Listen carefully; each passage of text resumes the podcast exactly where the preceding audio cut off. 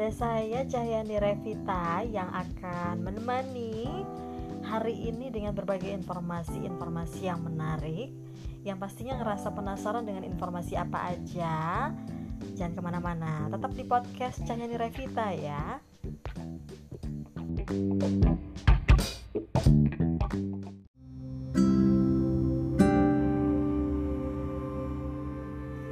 Nah, untuk mendengar podcast kali ini yang memang merasa stres di tengah pandemi, saya mau uh, menginformasikan. Jadi kalian bisa coba deh mengatasi stres dengan tiga cara yang memang dari seorang peneliti dari pusat neurobiologi Universitas California, Mike Yes mengatakan, di tengah pandemi COVID-19 banyak orang yang merasa stres dan tertekan stres kronis yang muncul selama pandemi terjadi akibat ancaman virus serta disrupsi yang terjadi di banyak lini kehidupan. Rutinitas dan ritme kehidupan juga terus berubah-ubah hingga bikin stres katanya.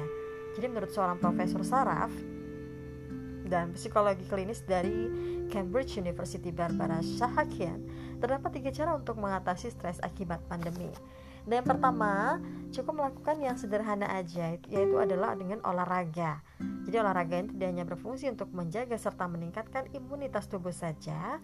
Olahraga, olahraga maksudnya ternyata juga berfungsi untuk melatih serta meningkatkan kinerja otak. Selain itu olahraga dinilai, dinilai mampu memulihkan kondisi otak seseorang. Jadi untuk cara yang pertama ini bisa kalian coba Mudah-mudahan bisa mengurangi stres kalian. Untuk cara yang kedua, nanti bakal kita lanjut di segmen berikutnya.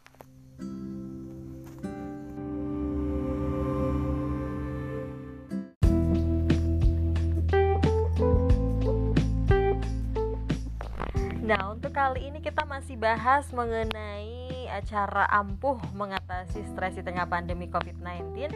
Kalau tadi ada olahraga, yang sekarang itu dengan mendengarkan musik. Jadi tahu gak sih bahwa penelitian itu membuktikan bahwa mendengarkan musik mampu menurunkan kadar hormon kortisol, yaitu zat yang juga dikenal sebagai hormon stres pada tubuh seseorang. Nah, cobalah untuk rutin mendengarkan musik yang kamu suka agar terhindar dari stres kronis.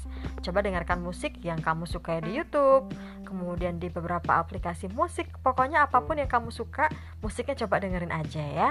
Dan yang ketiga yaitu adalah dengan meditasi. Nah, olahraga seperti yoga yang juga berfungsi sebagai meditasi sangat direkomendasikan oleh para ahli untuk dilakukan oleh seseorang di masa pandemi ini.